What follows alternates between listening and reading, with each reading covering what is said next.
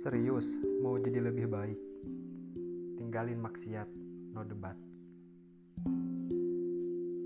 Hmm, kamu bisa beralasan apa saja, kamu bisa pakai argumen apa pun, tapi aku ingin kasih tahu, maksiat nggak bakal buat hidupmu lebih baik. Bisa aja kamu bilang hidupmu bukan urusan orang lain. Kamu juga bisa statement kalau kamu nyaman begitu.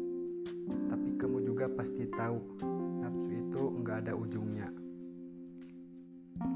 Itulah perang yang seumur hidup kita terus-menerus terjadi dan gak bakal beres.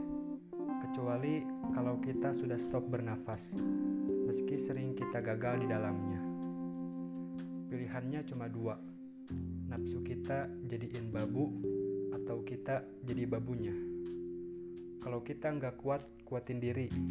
Nggak inget masa depan, nggak ingin jadi lebih baik, kita bakal dikendaliin nafsu.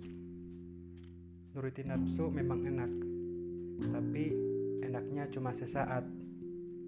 Tapi membuat hidup jadi lebih baik itu memang susah, karena hasilnya juga sebanding jangka panjang. Percaya gak? Manusia itu sukses enggaknya ditentuin itu aja. Mampu enggak dia menjauh dari sesuatu yang enggak manfaat buat masa depannya.